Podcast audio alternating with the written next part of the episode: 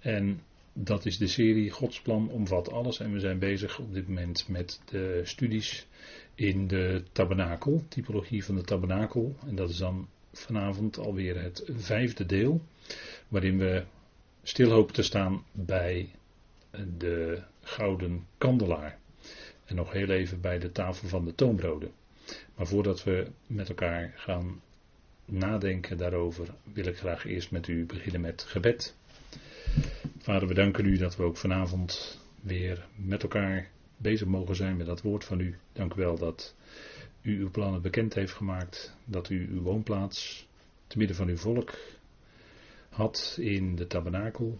Vader, dank u wel dat u met het volk optrok door, de, door middel van de wolkolom en de vuurkolom en uw zoon in heerlijkheid. Vader, we danken u dat we mogen weten van die woestijnreis, we mogen weten van hoe de tabernakel ingericht was. U had alles aan Mozes laten zien op de berg. En hij moest het exact laten maken, vervaardigen naar dat voorbeeld. Vader, we danken u dat we daaruit geestelijke waarheden mogen ontdekken. En de geestelijke betekenis, de typologische betekenis mogen nazoeken. Vader, we danken u dat u ons ook vanavond daarin wilt leiden, wilt leiden in het spreken, in het luisteren. Mag het zijn tot uw eer, tot opbouw. En we danken u dat u ons geloof wilt bemoedigen en versterken. We danken u dat u een goede vader bent in alle omstandigheden. Mogen we op u zien en alles van u alleen verwachten. Vader, we danken u daarvoor in de naam van uw geliefde zoon. Amen. Goed, we kijken vanavond naar de typologie van de tabernakel. En wij vervolgen onze reis door de tabernakel. We zijn inmiddels in de tabernakel aangekomen. En dat is dan in het heilige. En we willen kijken naar nog een paar facetjes van de tafel van de toonbroden, waar we de vorige keer mee bezig waren. En een tafel is natuurlijk altijd een uitdrukking van gemeenschap. Je eet en drinkt met elkaar van een tafel. En dan deel je het leven met elkaar. Dat is de gedachte. En hier gaat het natuurlijk specifiek in het heilige, waar de priesters en uh, soms de hoge priester dienst hadden. Daar beeldt de tafel van de toomrode uit dat wij eten van het voedsel die de Vader heeft uitgesproken. En die mogen we tot ons nemen. Het is bijzonder dat we kostbaar dat woord mogen koesteren, daarvan mogen eten, gemeenschappelijk deel daaraan mogen hebben. En gemeenschap zo door die en in die ene geest, daartoe zijn we ook geroepen. We zijn geroepen tot gemeenschap van de Zoon van God, Christus Jezus onze Heer. En we zijn ontzettend rijk gezegend naar het evangelie dat wij mogen kennen. En dat is voor ons rijk uitgestald. Wat zegt de schrift over de tafel van de toonbroden? De tafel van de toonbroden. Daarop ligt uiteraard brood. En dat is voor voedsel, voor de priesters met name. En zij moesten dat met elkaar vervangen op de Shabbat. En dat staat in Leviticus 24, vers 8. En wil ik even met u lezen. Leviticus 24, vers 8. En daar staat elke Sabbatdag. En letterlijk staat er dan Sabbatdag na Sabbatdag. Moet hij dat voor het aangezicht of voor Yahweh verzorgen, voortdurend, omwille van de zonen van Israël. Het is een eonisch verbond. In de vertaling hier heb ik staan eeuwig verbond, maar het woord olam in het Hebreeuws betekent hetzelfde als het Griekse woord aion. En dat betekent nooit eindeloze eeuwigheid, maar dat betekent voor een bepaalde tijdsduur, voor een bepaalde tijd. En op de elke sabbatdag moest dat brood dus vervangen worden. Dus die priesters die moesten dus in dat heilige arbeid verrichten inderdaad op Shabbat. Maar we hebben de vorige keer gezien met elkaar dat in dat heilige zijn we in de tegenwoordigheid van Yahweh. En daar gelden nu eenmaal andere wetmatigheden, om het zo maar te zeggen. Daar is niet de wet buiten de tabernakel van toepassing, maar daar gelden andere wetmatigheden. Yahweh voorziet in het voedsel. Shabbat wil ze juist zeggen stoppen met werken. Yahweh voorziet in het voedsel. Hij geeft zijn brood. Hij geeft zijn woord. En het is zonder onze inspanningen en wat op de tafel ligt, is leven en overvloed, overvloedig leven dus. Dat komt uit dat brood, dat is het woord van God, komt dat naar voren. Gij zult de Heer uw God alleen dienen, zei de Heer toen hij verzocht werd, beproefd werd, moet ik zeggen, beproefd werd door de tegenstander in Matthäus 4, Lucas 4. En hij zei ook bij gelegenheid dat alleen zouden leven bij het, niet bij brood alleen, niet bij letterlijk brood alleen, maar bij het woord dat uitgaat uit de mond van God, uit de mond van Jehovah. En dan is er voor ons ook leven en overvloed. Hè? Overvloedig geestelijk leven in Hem, in Christus Jezus. Nou, daar spreekt het brood van, want hij zei van zichzelf ook: Ik ben het brood van het leven. Een prachtige metafoor. Maar als we van hem, uit hem het voedsel ontvangen, het geestelijke voedsel van zijn woord, dan worden we werkelijk gevoed in onze geest en daar gaat het allemaal om. Leven en overvloed, en dat is wat hij ons geeft. Overstromende genade in het evangelie, overstromende heerlijkheid. En dat is gegrond op het volbrachte werk van onze Heer Jezus Christus. Ja, dat is geweldig hè. En hij voorziet in wat nodig is. Hij voorziet in het voedsel dat we nodig hebben. Troost, bemoediging, versterking. Het is alles in zijn woord terug te vinden. En hij doet het. Vader geeft dat. Nou, de broden moesten dus vervangen worden op Shabbat. En David, zegt de Heer Jezus bij gelegenheid, ging op Shabbat de tempel in toen hij honger had of in de tabernakel. En moet ik zeggen in de tabernakel. En hij at van de toonbroden. En dat was op Shabbat, die moesten vervangen worden. Dus hij at hoogstwaarschijnlijk de toonbroden die net al een week daar hadden gelegen. En die vervangen werden door nieuwe toonbroden. Hij heeft ongetwijfeld David met zijn mannen daarvan gegeten. En dat was uh, een bijzondere omstandigheid.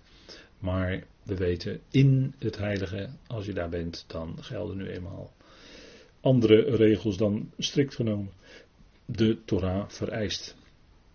Want de Heer is nu eenmaal Heer ook van de Shabbat. dat is, uh, hij staat daarboven. En we lezen ook nog in vers 9. 1 tiende Eva, de toonbroden, die bestonden uit een bepaalde hoeveelheid. En de Israëlieten die uh, vonden het manna. En die kregen elke dag één omer, dat is ongeveer 2 tot 4,5 liter. En dat is 1 tiende Eva, zegt Exodus 16, vers 36. En Exodus 16, vers 16 zegt: Het eh, brood wat de Heer gaf uit de hemel, waarvan uh, de Heer Jezus dus zei: Ik ben dat manna dat uit de hemel is neergedaald. Maar dat was toen letterlijk manna wat ze konden opeten. En dat was 2 tot 4,5 liter. En dat was genoeg voor een dag. En op de dag voor de Shabbat kregen ze een, uh, kwam er voldoende manna voor twee dagen. Dus dat was dan twee tiende Eva wat ze dan kregen, 4 tot 9 liter. En dat uh, is dan genoeg. En de toonbroden die mochten alleen gegeten worden door de priesters. Dat staat ook in vers 9 van Leviticus 24. Daar staat het is voor Aaron en zijn zonen. En ze moeten dat in een heilige plaats eten, want het is heilig van heiligen. er staat in mijn vertaling, want het is voor hem allerheiligst. Letterlijk staat er dan, het is heilig van heiligen. Uit de vuuroffers van Jaweh. Het is een eonische inzetting. En er staat weer in de vertaling, het is een eeuwige verordening, maar dat moeten we steeds corrigeren. Er staat olam en dat betekent een bepaalde beperkte tijd. En dat is per tekst is dat uh, altijd een verschillende tijd. En hier gaat het om inzettingen van het oude verbond. En die zouden dan duren tot de instelling van het nieuwe verbond. Het was niet een eindeloze inzetting, maar bij de komst van het nieuwe verbond, dan wordt de, het oude dus vervangen. De, de naam, benamingen zeggen natuurlijk al oud en nieuw. En daar kreeg de Aaron en zijn zonen, die moesten dat ook daar eten. En dat was dan natuurlijk een uitdrukking van gemeenschappelijk deel hebben aan dat leven in. En zij moesten ook dienst doen. Hè? Die, en u ziet op dit plaatje hier, deze dia, ziet u ook de toonbroden en daarbovenop het wierook. En wierook, dat verwijst dan direct al naar het reukofferaltaar, maar daar komen we nog op in de toekomst. En daar, dat spreekt van dat wat opstijgt naar God, wat opstijgt naar Jahweh, tot een aangename geur. En dat is uh, de, in feite uh, spreekt het reukofferaltaar van de aanbidding. Maar goed, daarover later wel meer. Dan gaan we naar het nieuwe voorwerp, of een, voor ons dan in deze studieserie het volgende nieuwe voorwerp. Uh, wat we natuurlijk al we, uh, wat we best kennen, dat is de kandelaar. En in het Hebreeuws gezegd de menorah. En dat is natuurlijk een uh, prachtig, een prachtig voorwerp dat in de tabernakel stond. En u ziet hier op dit plaatje de menorah zoals die inmiddels weer vervaardigd is door het Tempelinstituut. En dat is een prachtige gouden, echt gouden menorah. Dat, is, dat staat in de Staten van Jeruzalem. Ik heb dat een paar keer mogen zien van heel dichtbij en dat is magnifiek. Daar kun je tijd naar kijken. Dat is, uh, ja, het vertelt zoveel. En daar willen we dan vanavond ook wat mee bezig zijn. Hè?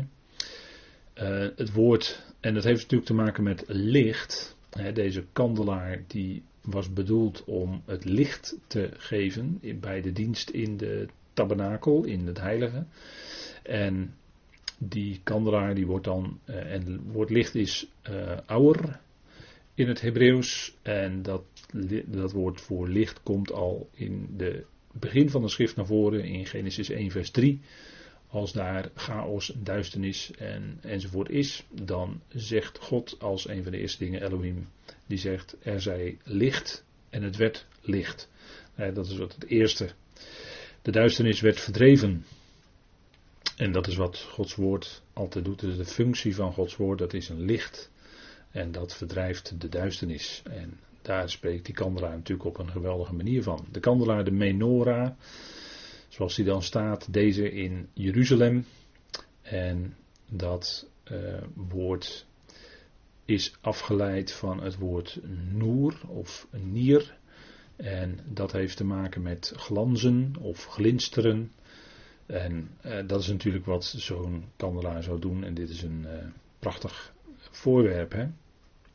En de menorah wordt, het woord menorah komen we 40 keer tegen in Tenach. En zoals we weten, dat is misschien zit daar een, al een hint in voor ons. 40 is het getal van een tijd van proef, van beproeving. En in de tijd van beproeving, het spreekt van de dingen hier op deze aarde. 4, 40, 400, hè, spreekt van deze dingen hier op aarde. En in die periode dat wij hier op aarde zijn en we zijn gelovigen, hebben we dat licht van Gods woord nodig. Vandaar de menorah, de kandelaar die daarvan spreekt. We vinden de beschrijving van de kandelaar in verschillende delen van de schrift. In Exodus 25, 37, u ziet hier op deze dia een, eh, een uh, niet helemaal complete opsomming, maar wel de belangrijkste teksten. Exodus 39, vers 37, Exodus 40, vers 4 en, enzovoort. Hè. Exodus 26 en Numeri wordt ook genoemd, Leviticus wordt ook iets van gezegd, wordt even genoemd. En zo komt dat best een heel aantal keren voor in de schrift. En als we even kijken in de Exodus 25, als we het even met elkaar opslaan, dan gaan we even daarin wat lezen met elkaar een aantal versen vanaf vers 31. En dan lees ik u uit de herziene statenvertaling. Exodus 25. En er staat, u moet ook een kandelaar van zuiver goud maken. Als gedreven werk moet de kandelaar gemaakt worden. Zijn schachten en zijn armen, zijn bloemkelken, zijn knoppen en zijn bloesems moeten er één geheel mee vormen. En zes armen moeten uit de zijkanten ervan uitsteken. Drie armen van de kandelaar uit zijn ene kant en drie armen van de kandelaar uit zijn andere kant. Drie bloemkelken in de vorm van amandelbloesem aan de ene arm. Met knop en bloesem en drie bloemkelken in de vorm van amandelbloesem aan de andere arm. Knop en bloesem. Zo moeten de zes armen worden die uit de kandelaar steken. En op de kandelaar zelf moeten vier bloemkelken komen in de vorm van amandelbloesem met zijn knoppen en zijn bloesems. Er moet een knop komen onder het eerste paar armen dat eruit steekt, een knop onder het tweede paar armen dat eruit steekt en een knop onder het derde paar armen dat eruit steekt. En zo moet het worden bij de zes armen die uit de kandelaar steken. Zijn knoppen en zijn armen moeten één geheel vormen. Het geheel moet één stuk gedreven werk van zuiver goud zijn. Vervolgens moet u bijbehorende zeven lampen maken. Men moet die lampen aansteken en licht doen verspreiden in de richting van de voorzijde van de kandelaar, zowel de bijbehorende snuiters als de bijbehorende vuurschalen, moeten van zuiver goud zijn. Van één talent zuiver goud moet men hem maken met al die voorwerpen. Zie dan erop toe dat u het maakt naar zijn ontwerp dat u op de berg getoond is. Nou, zover even de beschrijving van de kandelaar, de gouden kandelaar. En daarover straks wel meer uiteraard. We zien hier de kandelaar dat hij er zo ook heeft uitgezien toen Titus eh, in het jaar 70 Jeruzalem verwoestte, de tempel liet verwoesten en de voorwerpen uit de tempel werden meegenomen. Dat waren natuurlijk enorme schatten, want het was van goud. De tafel van de toonbroden hebben we gezien, was van acaciahout, maar overtrokken met goud. En de kandelaar was zelf van geheel zuiver goud, dus dat was een kostbaarheden.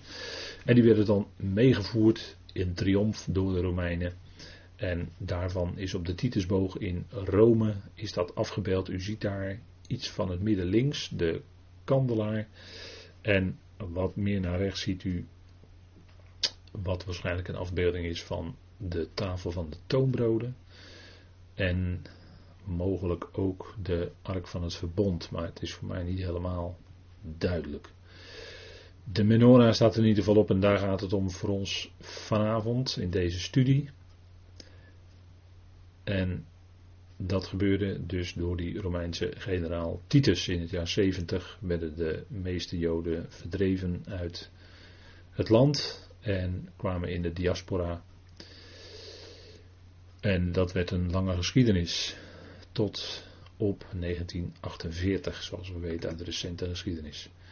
En dan komen we bij inderdaad de recente geschiedenis, als we dit plaatje zien.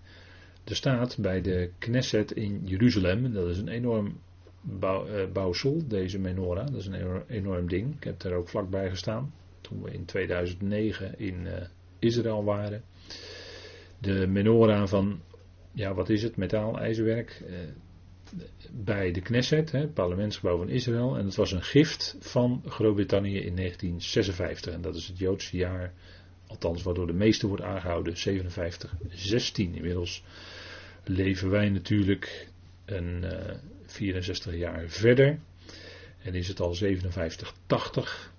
En de Joden zeggen natuurlijk bij 5800, dat is het getal van de Messias, bij 5800 dan zal de Messias komen. Nou, hoe het ook zij, uh, er zijn natuurlijk allerlei gedachten over. En we weten niet, wij weten niet wanneer dat zal zijn.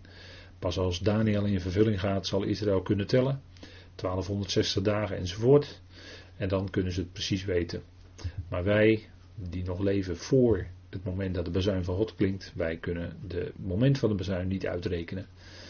Dat weten wij niet, dat weet eh, God. En op het moment dat het zover zal zijn, dan zullen we het wel merken. Maar deze uh, reusachtige menorah, die werd, en dat is ook een symbool voor de huidige staat Israël.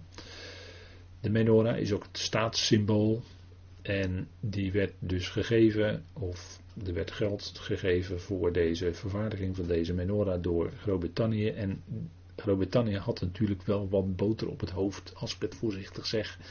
Want in 1917 eh, werd uh, Jeruzalem veroverd en door generaal Allenby. En uh, er kwam ook de Balfour Declaration, de, Balfour verklaring, die door de Rothschild, de Lord Rothschild was goedgekeurd. En die voorzag in het stichten van een Joodse staat. Het stichten van een staat in Palestina. In het toen, wat toen door de Romeinen werd het Palestina genoemd. Om zich af te zetten tegen Israël. En uh, in het, zoals het dan officieel formeel heette Palestina. Maar het was natuurlijk het grondgebied van Israël. Daar kon Israël dan de staat vestigen op basis van die en zo is het op basis van die Belfour-verklaring, en zo is het ook gegaan in het verleden. In 1948 is het dan door een officiële mandaat en officiële beslissing van de Verenigde Naties tot stand gekomen. Maar na de oorlog werden heel veel Joodse mensen geweigerd, ook in Groot-Brittannië. Die zaten op een schip en uh, daar zijn heel wat verhalen van. En dat schip dat ging uh, overal heen, maar overal werden zij geweigerd naar Cuba, Amerika, Groot-Brittannië. Eigenlijk direct na de oorlog. En als je weet wat er in de oorlog gebeurd is, de Holocaust, dan is dat een meer dan schandalige vertoning zoals het toen gegaan is. Schip vol met Joodse mensen en dan weigerden om dat ze aan land kunnen gaan. Het is werkelijk ongelooflijk, direct na de oorlog. Je kunt het bijna niet voorstellen, maar het is echt zo gegaan. En zo had Groot-Brittannië wel wat boter op het hoofd. Ook in de Tweede Wereldoorlog.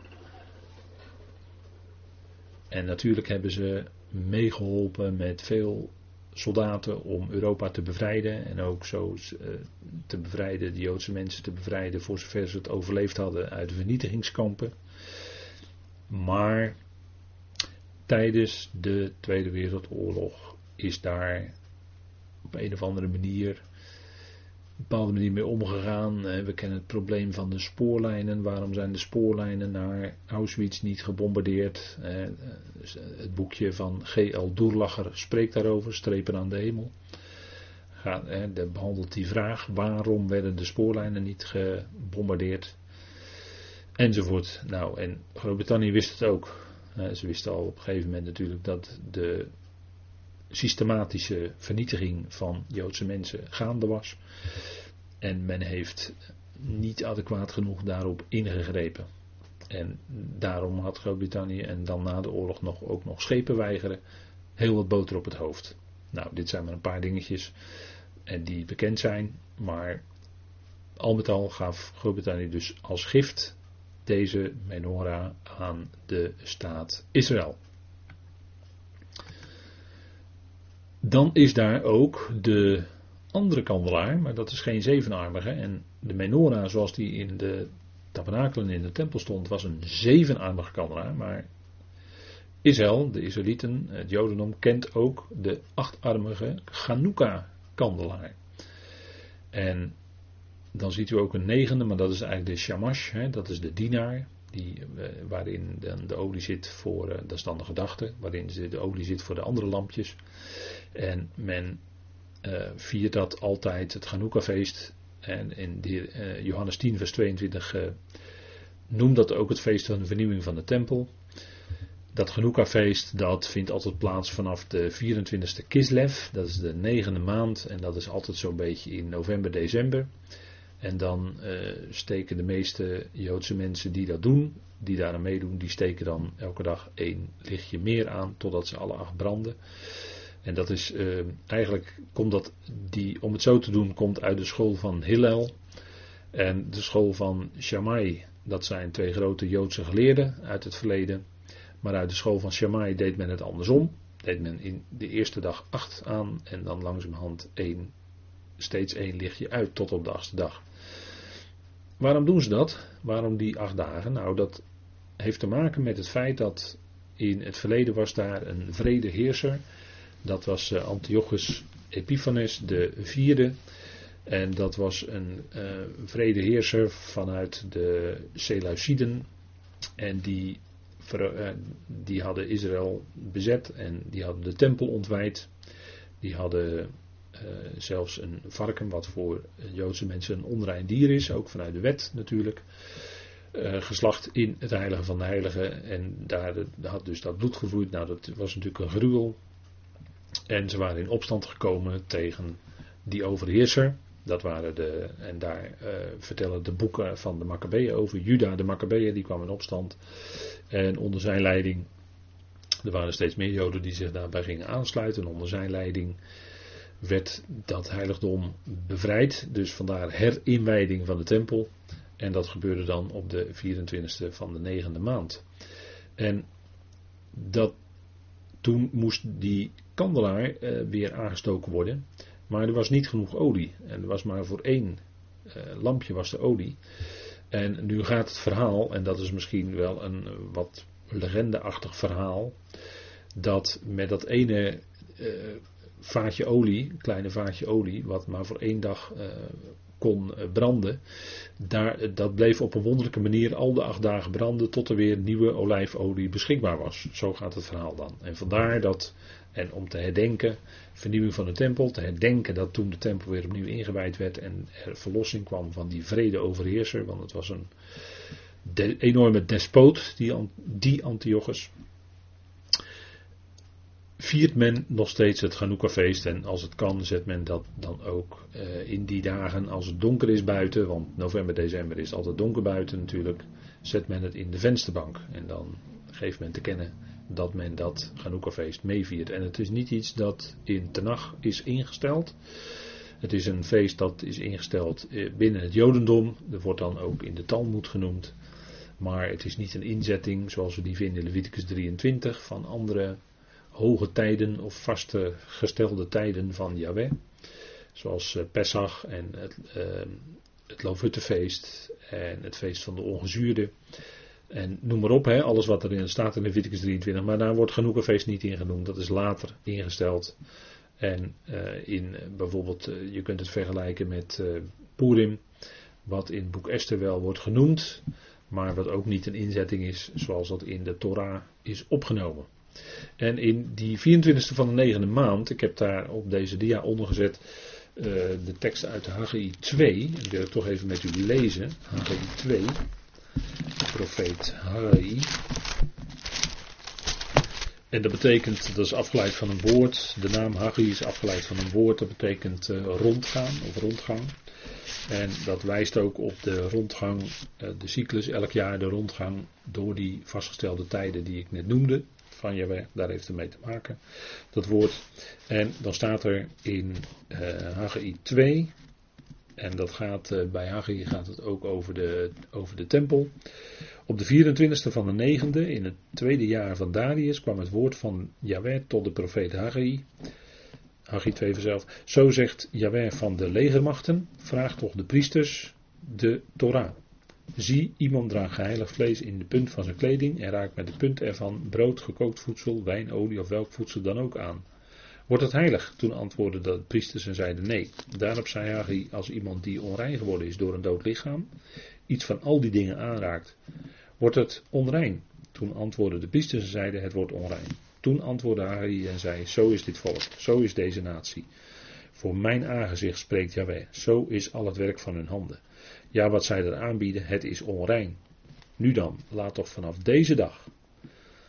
Let toch vanaf deze dag. En daarna aandachtig op, voordat steen op steen gelegd werd aan de tempel van Yahweh. En hier staat eigenlijk, niet alleen let aandachtig op, maar staat eigenlijk stel uw hart erop. Dus Yahweh drong aan via Hari het hart erop te stellen om met de tempel, met de opbouw van de tempel bezig te zijn. Met, met het hart. Kwam voordien, en dan staat er in vers 17, kwam voordien iemand bij een korenhoop van 20 maten, dan waren er maar 10. Kwam hij bij de perskijp om 50 maten uit de pers te scheppen, dan waren er maar 20. Ik sloeg u met korenbrand en met meeldauw. En met de hagel al het werk van uw handen, maar u keerde niet naar mij, spreekt de Heer. En vers 18, wat we hier lezen, koren, korenbrand, meeldauw. Dat zijn de dingen, de vervloekingen die in de Torah genoemd worden als het volk eh, niet uh, op Yahweh gericht was, maar als het uh, andere goden achterna liep en dat soort zaken. Dan zou de vervloeking overheen komen. Dat stond in de Torah. En hier wordt dan van gesproken dat het ook zo gebeurd is. Let toch aandachtig op. Hè, weer zet je hart erop, hè, staat er eigenlijk. Vanaf deze dag en daarna. Vanaf de 24ste van de 9e, vanaf de dag dat de tempel van de Heer gegrondvest is, let aandachtig op, ligt er nog zaad in de schuren, zelfs tot de wijnstok, de vijgenboom, de granaatappelboom toe en de olijfboom geen vrucht gedragen heeft, zal ik vanaf deze dag zegenen. En vers 21, het woord van Jahweh kwam voor de tweede keer tot Haggai op de 24ste van de maand. Zeg tegen Zerubabel, de landvoogd van Juda, ik zal doen beven de hemelen en de aarde, ik zal de troon van koninkrijken omverwerpen en de kracht van de koninkrijken van de heidevolkeren wegvaren, ik zal de wagen met zijn berijder omverwerpen, de paarden en de ruiters zullen neerstorten, ieder door het zwaard van zijn broeder. Op die dag, spreekt de Heer van de legermachten, zal ik u, Zerubabel, zoon van Sealtiel, mijn dienaar nemen, spreekt de Heer, en ik zal u maken tot zegening, want ik heb u verkozen, spreekt de Heer van de legermachten. Hier wordt profetisch bevrijding aangezegd. En dat is natuurlijk uh, in. De, het was een, dit, dit werd uitgesproken in het tweede jaar van Darius. Dus het volk, ballingschap enzovoort. Maar ze zouden daaruit verlost worden. En het is natuurlijk nog verder profetisch dat in de toekomst zal Israël ook verlost worden van de heerser die er dan is, de wetteloze. Zal Israël verlost worden. En ik zou willen zeggen door de hand van die grote Jahweh van de legermachten. Die dan komt om zijn volk te verlossen, de Heer Jezus Christus, die zijn voeten dan zal zetten op de olijfberg. Dan zal hij zelf strijden. En dan zal dat volk verlost worden. Dat is een geweldige tijd. Hè? Maar let op die 24e van de 9e, de dag van de herinwijding van de tempel.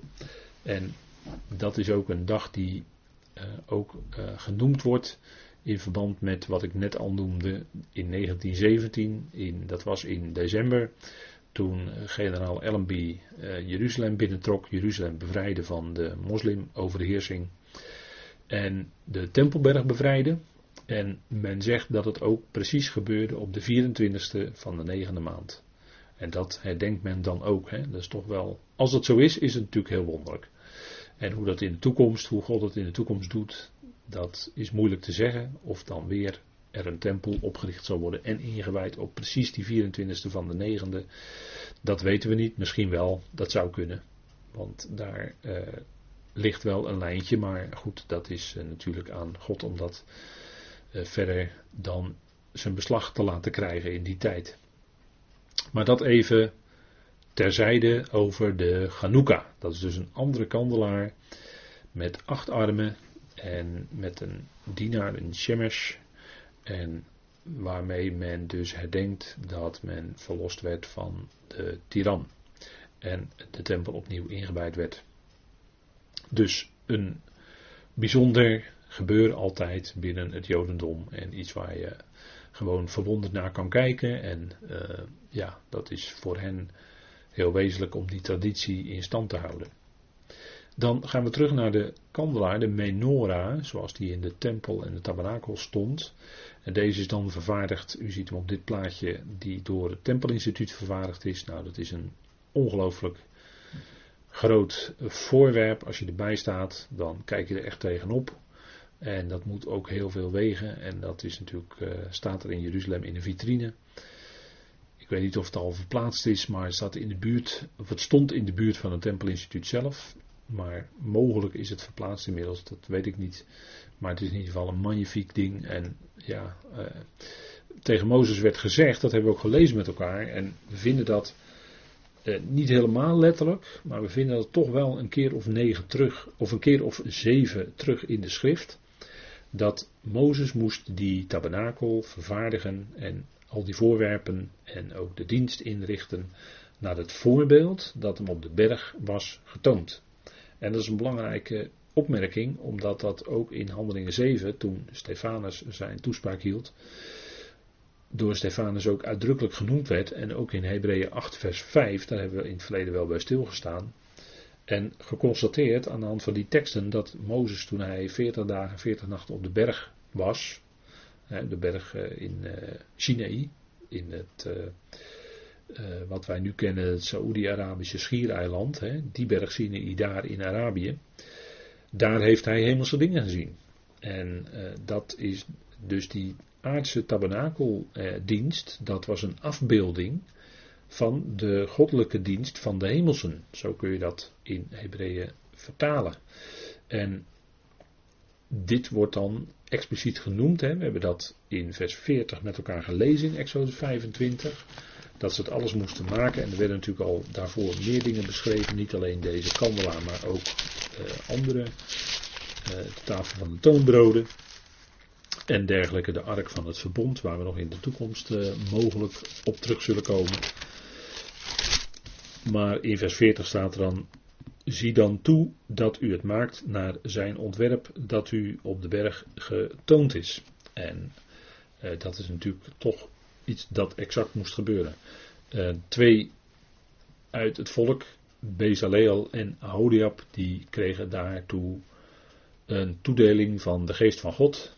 Zodat zij inzicht hadden, staat er dan, zodat zij inzicht hadden om die voorwerpen te vervaardigen en om het zo allemaal te maken zoals de bedoeling was, zoals de instructies waren.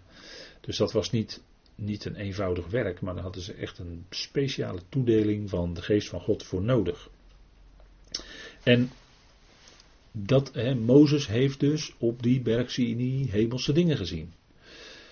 En die tabernakeldienst die voorzag ook in een hele weg. Dat ging van buiten de voorhof naar in de voorhof. En dan kom je bij het brandofferaltaar. Dan kom je bij het koperen wasvat. En pas dan, als je daar geweest bent, dan ga je pas die tabernakel zelf binnen, de tent zelf binnen. En kom je bij die drie voorwerpen. En later in het heilige der heiligen, waar alleen de hoge priester mocht komen, toen de tijd Aaron, hoge priester, die mocht in het heilige der heiligen komen. En dat zullen we ook nog met elkaar gaan zien. En dat is natuurlijk dan op die ene bijzondere dag in het jaar. Hè? Maar dit willen we nog even met elkaar vaststellen. We hebben het gelezen. Dus die menorah die moest ook vervaardigd worden naar wat Mozes had gezien. Dus hij heeft op een of andere manier iets gezien en dat vond zijn uitdrukking in die menorah. Nou, die kandelaar, hebben we gelezen met elkaar, die was gemaakt uit één talent goud. En het woord talent in het Hebreeuws, dat is kikar, of zo kun je het uitspreken, maar dat is twee keer een kaf en een resh, en dat heeft als getalswaarde 20, 20, 200. Het was uit zuiver of rein goud gemaakt, dus gezuiverd goud, en de maximale karaat, uh, het maximaal aantal karaat heb ik begrepen, is iets van 21,5. En het was heel zuiver goud. Ik weet niet hoe, hoe dat uh, toen natuurlijk geweest is, dat weten we niet. Maar de in het heiligdom gereinigde voorwerpen, die ook op een gegeven moment allemaal met bloed besprenkeld werden, voordat het echt in gebruik kon worden genomen. Dat was natuurlijk ook uh, symbo een symbolische handeling. Maar we hebben gezien dat dat gereinigde voorwerpen waren. En dat goud ook te maken heeft met koningschap. Dus je bent in de tabernakel, dan heeft het te maken met koningschap. En we hebben gezien bij de tafel van de toonbroden, dat daar met die randen, weet u wel, de ene rand was aan de buitenkant en de andere aan de binnenkant. Dat had te maken aan de buitenkant met het geopenbaarde koningschap, het geopenbaarde koninkrijk. Waarvan Johannes en de Heer Jezus zeiden, bekeer je, want het koninkrijk der hemelen is nabijgekomen. Dat was het geopenbaarde en de koning liep daar ook te midden van zijn volk. En later is dat, doordat hij naar de, ten hemel gevaren is en nu aan de rechter van vader zit, is dat een verborgen koningschap. En is het nog niet geopenbaard. En voor ons als gemeenteleden, hebben we ook met elkaar gezien, hebben wij deel aan het koninkrijk van de zoon van zijn liefde. Maar dat is een verborgen iets, dat is voor de wereld niet zichtbaar. Dat is alleen geestelijk op dit moment. En vindt zijn uitdrukking in degenen die geroepen zijn. dat, dat koninkrijk van de zoon van zijn liefde, daar horen wij bij. En dat heeft ook te maken met licht. we, hebben deel aan, uh, we hebben deel aan dat uh, lotdeel van het licht, van de heilige in het licht. Dus daar is ook licht. Natuurlijk, als we in het koninkrijk zijn, dan zijn we bij de koning en dan is daar ook licht, uiteraard. Maar dat is voor de wereld verborgen. En je zou dat ook uh, kunnen, je kunt dat constateren, want als je in de tabernakel bent, dan ziet men van buitenaf niet wat daarin is. Men ziet van buitenaf ook niet het licht van de menorah. Het is dus voor de buitenwacht verborgen wat er binnen gebeurt. Dus ook daar zie je dat er een. Je, je weet dat het tabernakel is en je weet dat het te maken heeft met iets dat de koning, dat Yahweh heeft ingesteld. Aan de buitenkant er tegenaan kijkend zie je daar iets van, maar het werkelijke, waar het om gaat, het goud enzovoort, dat zie je niet, want dat is binnen. Dat is verborgen. En zo is het ook met ons leven. Ons leven, hè, dat, dat kunnen we zo, dat, dat lijntje hè, met verborgen kunnen we zo doortrekken. Ons leven is tezamen met Christus verborgen in God. En dat is ook Colossense. En daar, dat is ons leven. Dat ons leven is niet ten diepste hier niet op aarde, maar ons leven is boven. Vandaar dat Paulus ook schrijft, bedenkt wat boven is, wees bedacht op wat boven is, waar Christus is gezeten aan Gods rechterhand. Dat is verborgen, boven. En het zal geopenbaard worden. Want als hij geopenbaard zal worden, zullen ook wij met hem geopenbaard worden en met hem geopenbaard worden in heerlijkheid zelfs. Hè? Dat is die heerlijkheid van die zonen van God. Maar dat is allemaal nog toekomstmuziek.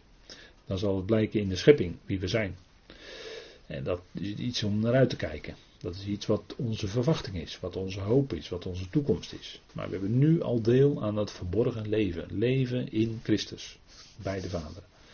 Nou, dat is natuurlijk een verborgen aspect. Dat zien we dus al in de tabernakel, een verborgen aspect. En een geopenbaard facet.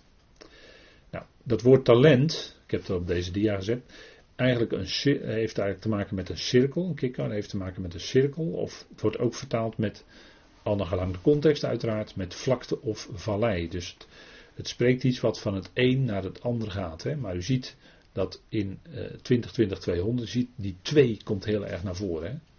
Dus daarin zien we ook weer die, die uh, tegenstelling aan de ene kant tussen dat wat te zien is en dat wat niet te zien is. Paulus die schrijft er ook over, hè, als hij uh, het heeft over die heerlijkheid en over het lijden in Korinthe.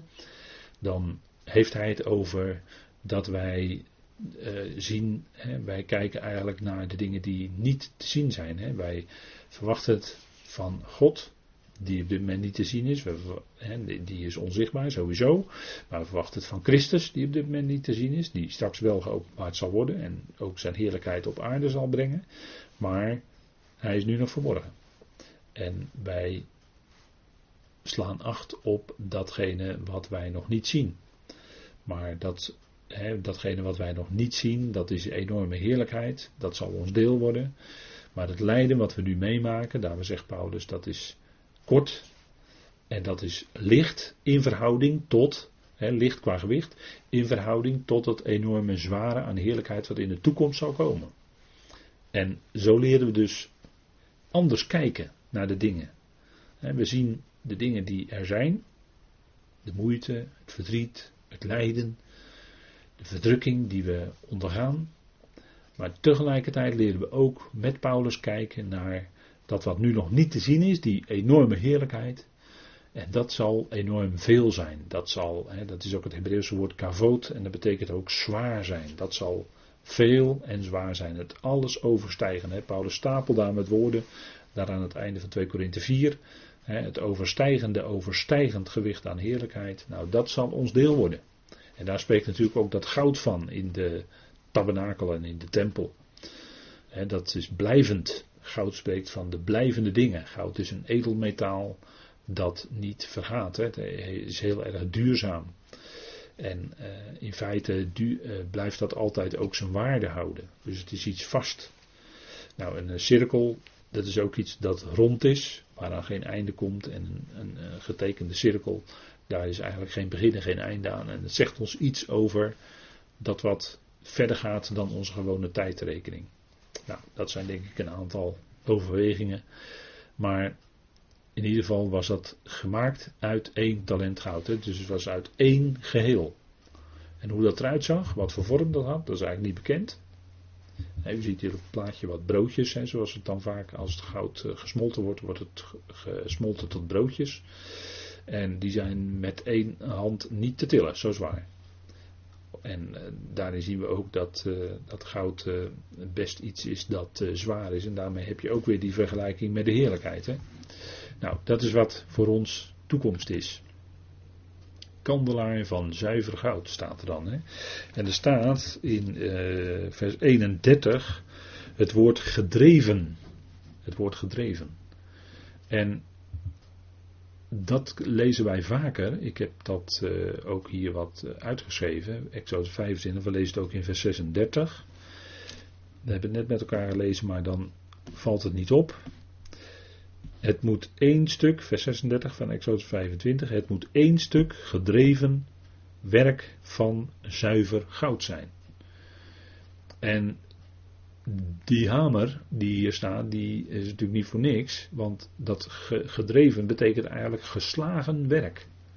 Dus het is gesmeed, het is omgesmeed, maar het is geslagen. Het moest in de juiste vorm komen en daarvoor werd het gedreven of geslagen. En daarmee kwam dat goud dus onder druk te staan. En dan heeft u direct natuurlijk die notitie van verdrukkingen en lijden in je leven geslagen worden. En natuurlijk ging dat in de eerste plaats, gaat het in de eerste plaats over Christus. Hè? Want wat in de tabernakel allemaal te zien is, spreekt in de allereerste plaats van Christus. Als we het hebben over de menorah, die moest licht voorzien in het heilige, dan denken we direct aan de Heer die van zichzelf zegt, ik ben het licht van de wereld. Dat is Hij. En dan kun je eigenlijk zeggen, in een hele korte vergelijking, een metafoor, kun je zeggen, ja, die kandelaar, die menorah, dat is eigenlijk Christus. Dat is eigenlijk degene die ons licht brengt. Door zijn woorden die hij spreekt. En hij werd daartoe, om dat licht te kunnen geven, uiteindelijk aan iedereen, werd hij geslagen. Werd hij eh, om dus die vrucht en om dat licht later te kunnen zijn, moest hij eerst geslagen worden. Hij werd verdrukt. Hij leed. Hij leed enorm. Tot en met de dood van het kruis. Daar hebben we in de laatste, toch wel wat uitgebreide studie van Colossense bij stilgestaan. De reden waarom hij in de dood moest gaan. Waarom hij stierf. Waarom hij leed aan het kruis. Zijn kruisdood, waarom was dat nodig? Nou, dat is noodzakelijk geweest. Hij werd verdrukt, hij moest lijden om die heerlijkheid en dat licht uiteindelijk aan iedereen te kunnen delen. Aan iedereen te kunnen toedelen, aan iedereen te kunnen geven. Zodat, en de, de gelovigen van nu, die, weet, die hebben dat al in hun hart. In hun hart is dat licht aangegaan. Hij geeft ons verlichte ogen van ons hart. Dus in ons is al dat licht aanwezig van zijn woord. En we zijn daardoor verlicht geworden. En we kijken anders naar de dingen. We leren anders zien door dat licht wat we hebben. Dat is heel kostbaar natuurlijk. Hè. En dat is natuurlijk geweldig eigenlijk. Dat het al die duisternis waar we in waren. En we wisten niet waar we vandaan kwamen. Waar we naartoe gingen. En noem alles maar op. We wisten eigenlijk niks. Totdat het licht van Gods woord in ons leven doorbrak. En wij iets van die heerlijkheid zijn gaan zien. Ja, en als je dat ziet, ja, dan gaat dat in je werken en dan gaat het uitwerken. En dan wordt je hele leven daardoor verlicht. Door het, door het uh, enorme diepe besef waar het naartoe gaat. Dat God uiteindelijk met iedereen tot zijn doel gaat komen. Wat een geweldige God is dat. Hè? De God van de Bijbel, God van Israël. Die gaat met iedereen tot zijn doel komen. En dat is ook degene die in deze tijd de gemeente roept. Die verlichte ogen des harten geeft. En ja, dat is zo bijzonder. Waar Paulus dan ook voor bidt en voor dankt. In Efeze 1 is hij aan het bidden en danken. En in Efeze 3 is hij aan het bidden en danken. En ja, dat in zijn, volkomenheidsbrieven stroomt hij eigenlijk over van gebed en dankbaarheid zou je kunnen zeggen. En dat is wat we als gelovigen denk ik ook steeds meer doen. Die dankbaarheid hè, voor datgene wat we hebben ontvangen. Het is niet zomaar tot stand gekomen. Nee, hij werd daartoe verdrukt. Hij werd daartoe geslagen. En daar spreekt eigenlijk die hele menorah van. Niet alleen van het geven van licht, maar daar ging wat aan vooraf. Dat moest eerst geslagen, gedreven worden, dat goud, voordat het die vorm kon krijgen van die prachtige menorah. En ook dat gold ook voor de olie, daar zullen we later nog op terugkomen. Die olijfolie, hoe dat tot stand komt. Dat is ook niet zomaar. Voordat het kan functioneren als licht. Dus hij werd geslagen, verdrukt, lijden, en dat eh, zegt u, ja, dat overkomt mij ook. Ja, dat overkomt ons allemaal in ons leven. Moeilijke dagen, pijn, verdriet. Het gaat niet zo makkelijk allemaal. Maar juist te midden van die pijn, juist te midden van dat verdriet, hebben we altijd weer die bemoediging dat Hij nabij is. Dat was ook het wonderlijke van Psalm 23. Uit de structuur blijkt, het midden van de psalm is want hij is nabij. Die drie Hebreeuwse woorden. Want hij is bij mij. En, en dat, is, dat was voor David het geweldige besef, het weten. En dat is voor ons ook het weten. De Heer is nabij, zegt Paulus ook in Filippenzen 4. Hè? De Heer is nabij. En zo kunnen we ook in de omstandigheden waarin we zijn, in dat lijden, geslagen worden. En we kunnen ook zeggen, als de Heer in ons leven bezig is om ons op te voeden, dan is dat opdat we meer vrucht dragen. En dan is dat opdat we ook meer en meer die heerlijkheid gaan ervaren in de toekomst. Meer en meer heerlijkheid, daar gaat het naartoe. want de verdrukking en het lijden van nu bewerkt, zegt Paulus in 2 Korinthe 4, bewerkt voor ons een alles overstijgend gewicht aan heerlijkheid. Dus dat lijden en die verdrukkingen, dat, dat, daarmee wordt daadwerkelijk iets bewerkt. Dat gaat iets opleveren in de toekomst. Dat gaat iets produceren. Nou, dat is goud, zou je kunnen zeggen. En dat is wat het hier ook om gaat. Hè. In, in de tabernakel, als je binnen bent, dan kun je zeggen, ja, het is hier alles goud wat er blinkt. Zeker, zeker. Nou, geslagen, gedrukt, gedreven werk. En de kandelaar, dat hebben we de vorige keer ook met elkaar geconstateerd. Die tafel, hè, dat gaat dan om de windrichting. De tafel van de toonbroden. Die stond aan de noordkant en we hebben gezien dat het noorden is de kant van verhoging. Noorden is de kant van heerschappij. En daartegenover natuurlijk het zuiden, dan heb je de kant van de vernedering, van het lijden. Hè, waar, we de, waar we eigenlijk nu al sprekend mee bezig zijn. De kant van vernedering. En we denken dan bijvoorbeeld aan het sterrenbeeld, het Zuiderkruis. Kruis is natuurlijk enorm vernederend. Daar werden toen de tijd slaven en misdadigers en rovers aan gehangen, gestraft. En de Heer ook, maar dat was eigenlijk ten onrechte. Hij had, Pilatus zei het, ik vind geen schuld in deze mens. Hij was zonder zonde.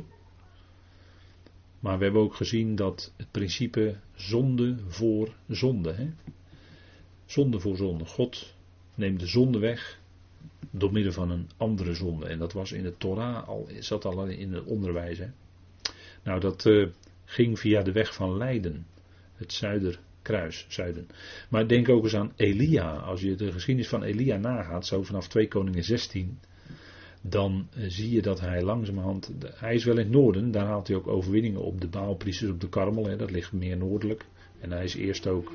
Maar hij is eerst ook in een vernederende omstandigheid, honger. Er heerst honger, vernedering dus. Maar hij wordt gevoed door de raven bij de beek. En dan bevindt hij zich inderdaad wat noordelijk, meer in het noorden. Maar Sarfat, hè. Maar de omstandigheden zijn vernederend. Daar heeft Elia mee te maken. Elia is eigenlijk een type van onze Heer in zijn vernedering. En zijn opvolger, Elisa, die als je goed telt het dubbele aantal wonderen doet van Elia. Elia doet er zeven en Elisa doet er veertien. Dus dubbele heerlijkheid. En dat is eigenlijk een type. Elisa is eigenlijk een type van onze Heer in zijn verheerlijking, in zijn verhoging. Moet met die gedachte die uh, geschiedenissen van Elia en Elisa maar eens lezen. Maar Elia, als je kijkt in zijn leven, dan daalt hij af naar het zuiden. Hij komt op een gegeven moment in Beersheba, nou dat ligt in het zuiden. En later nog meer zuidwaarts. En hij maakt een vernederende, hè, hij, nadat hij de overwinning heeft gezien van eh, de God van Israël op de Baalpriesters, gaat hij, omdat hij bang is voor Agab en met name Izebel, gaat hij er vandoor. En hij wil eigenlijk maar liever door de Heer weggenomen worden. En dan komt die boodschapper bij hem. En dan krijgt hij voedsel en dan gaat hij een hele eind lopen. En dan komt hij maar toch in de vereenzaming. En dan moet hij ook die opvolger van hem, Elisa, gaan roepen. Maar dat, is, dat, dat vindt plaats in het zuiden. Nou, en Elia vraagt zich op een gegeven moment ook af, Heer, uh, wie, wie, zijn er eigenlijk nog die hun knieën niet gebogen hebben voor de Baal? En dan krijgt die bemoediging, die Paulus dan ook aanhaalt in Romeinen 11, dat er 7000 zijn die hun knieën niet voor de Baal gebogen hebben. Maar die trouw zijn gebleven aan Jaweh, de God van Israël. Nou, dat is allemaal in het leven van Elia. Hè? Dat is, heeft heel veel aspecten met vernedering te maken. Duisternis. Spreekt daar ook van. Hè? Dus de kant van vernedering is ook duisternis. Denk erom die drie uur aan het kruis, toen daar duisternis was. duisternis, als je in een periode bent van vernedering, dan is het allemaal niet zo licht. Dan is het allemaal niet zo helder vaak voor je. Waar gaat het naartoe? Waarom zit ik in deze periode van verootmoediging, van vernedering? Nou, dat, dat, is, dat is hoogstwaarschijnlijk, en Paulus had ook een doorn in zijn vlees, dat is hoogstwaarschijnlijk, eh, zegt, en Paulus wist het, hij had dat meegekregen, opdat hij zich niet al te zeer zou verheffen. Het kan best zijn dat de Heer in ons leven dingen inzet, Ja, opdat we ons niet al te zeer zouden verheffen, want we hebben natuurlijk geweldige onthullingen gekregen.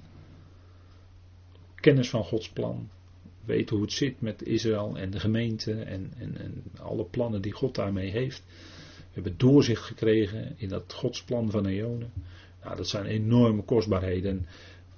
Als gelovige zou je dan, ook als gelovige, maar dan ben je toch nog mens, dan zou je misschien wel uh, ja, je wat boven die ander, misschien hier en daar.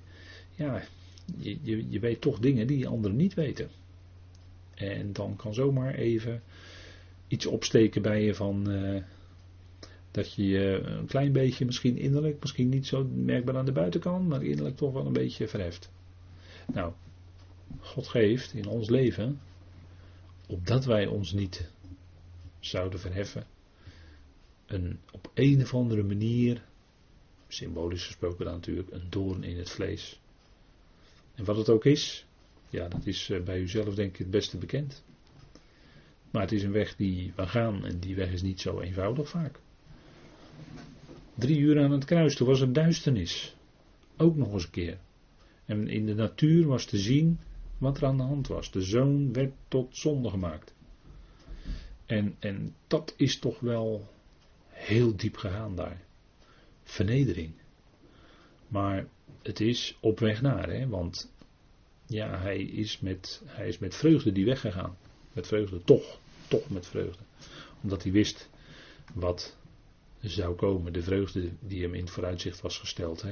En daarom had hij toch diep van binnen, wilde hij toch steeds maar weer die wil van de Vader doen. Vader, niet wat ik, maar nee, wat u in mijn leven bedoelt. Dan komen we bij de menorah. Ja, dat is de amandelboom eigenlijk. Hè? Want als je leest, en dat hebben we ook gelezen met elkaar. Eh, bijvoorbeeld vers 34. En op de kandelaar zelf moeten vier bloemkelken komen in de vorm van amandelbloesem. Met zijn knoppen en bloesems. En je ziet hier een plaatje van die prachtige witte bloesems van de amandel. En dan komen we ook direct al terecht bij de kleur wit. Want daar wil ik toch ook even met u bij stilstaan. De amandelbloesem is wit en dat vinden wij terug in prediker 12. En ik weet niet of u weet waar prediker 12 over spreekt, maar prediker 12 spreekt over de mens die ouder wordt. En dat wordt eigenlijk bijna een beetje, soms een beetje humoristisch beschreven. Alhoewel het oude, uh, ja, het oude worden is misschien, ja, gaat zo snel hè. En dan het oud zijn, ja, dat blijkt dan toch vaak niet zo makkelijk te zijn. Maar er wordt er gesproken in, en ik ga het niet helemaal met u lezen, maar alleen even dit aspect. Dat uh, men gaat ook vrezen voor de hoogte. Prediker 12, vers 5. Men gaat ook vrezen voor de hoogte. Dus als je ouder bent, ga je word je steeds bevreesder, word je steeds beduchter, want uh, je ziet steeds meer gevaren door je levenservaring. Je ziet, uh, je ziet overal, ja nee, dat, dat kan misgaan, dat kan misgaan. Oeh, als er nou maar niet dat gebeurt. Terwijl als je jong bent, dan ga je vaak meer, uh, ja ik wil niet zeggen roekeloos, maar toch wat minder nadenkend op allerlei dingen af.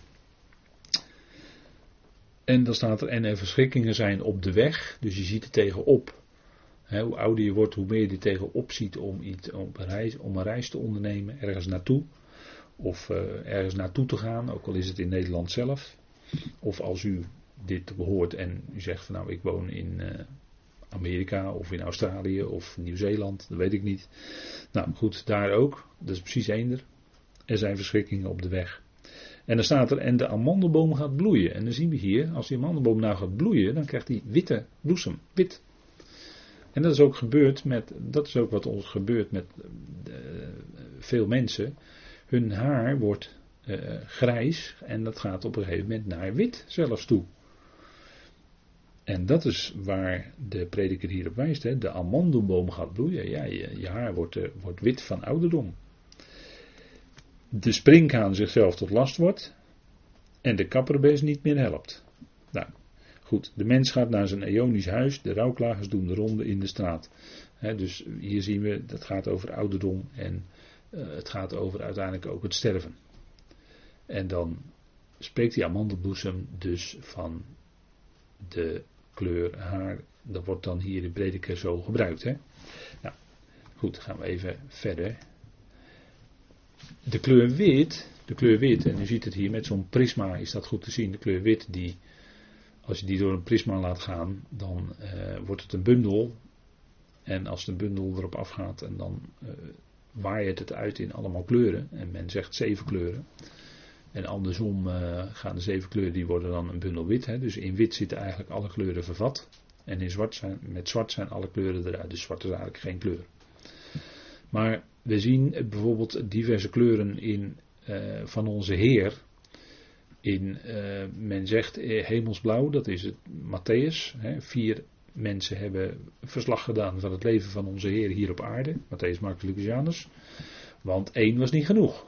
Er waren er meerdere nodig om dat te beschrijven. En dan is het nog maar heel, eigenlijk heel sumier beschreven, alles wat hij gedaan heeft. Maar dit was van belang dat we dit zouden weten. Nou, hemelsblauw wordt verbonden met de koning. Purper wordt verbonden via Marcus met de dienaar. Want in Marcus wordt hij voorgesteld als de Obed Yahweh, de dienaar van Yahweh. En dan zie je ook dat hij heel druk bezig is, constant bezig. Werken, werken, werken, dienen, dienen, dienen. En in Lucas zien we hem als de zoon van Adam, als mens. En dat is de kleur scharlaken. En dan de kleur wit, of wit, daar zit alle kleuren in. Dat is dan Johannes. En daar wordt hij voorgesteld als de zoon van God. En het Johannes-evangelie is natuurlijk toch iets bijzonders. Hè? Nou, de kleur, dat even over de kleur wit. En de kleur wit heeft ook te maken met, en dat weet u wel denk ik, met melaatsheid. Als iemand witte plekken op de huid krijgt, en men noemt dat tegenwoordig lepra, maar toen de tijd, of in de Bijbel heet dat dan melaatsheid, dan uh, is die melaatse is wit, krijgt allemaal witte plekjes, en op een gegeven moment dat is een afschuwelijke ziekte. Maar het kan ook zijn dat hij, en dat is het verrassende, in Leviticus uh, 13 en 14 wordt dat uh, beschreven, uitgebreid, de, de onderwijzing over de melaatsheid. En dat iemand dan bij de priester moet komen, die moet zich, moet zich vertonen. En dan gaat de priester vaststellen of, of iemand al dan niet nog steeds melaats is. En kan hem ook rein verklaren. En dan is het wonderlijke in Leviticus 13 en 14 dat als de melaatse, de zondaar, genezen is, dan is die helemaal wit. Dus je zou denken, hij is dan helemaal melaats. Dus hij is helemaal zondig. Maar als die helemaal wit is, volgens Leviticus, verklaart de priester hem rein. En dat is wel verrassend. Moeten we eens nalezen, hè? Leviticus 13 staat dat. En dat is toch weer, denk ik, ook weer het principe van zonde voor zonde.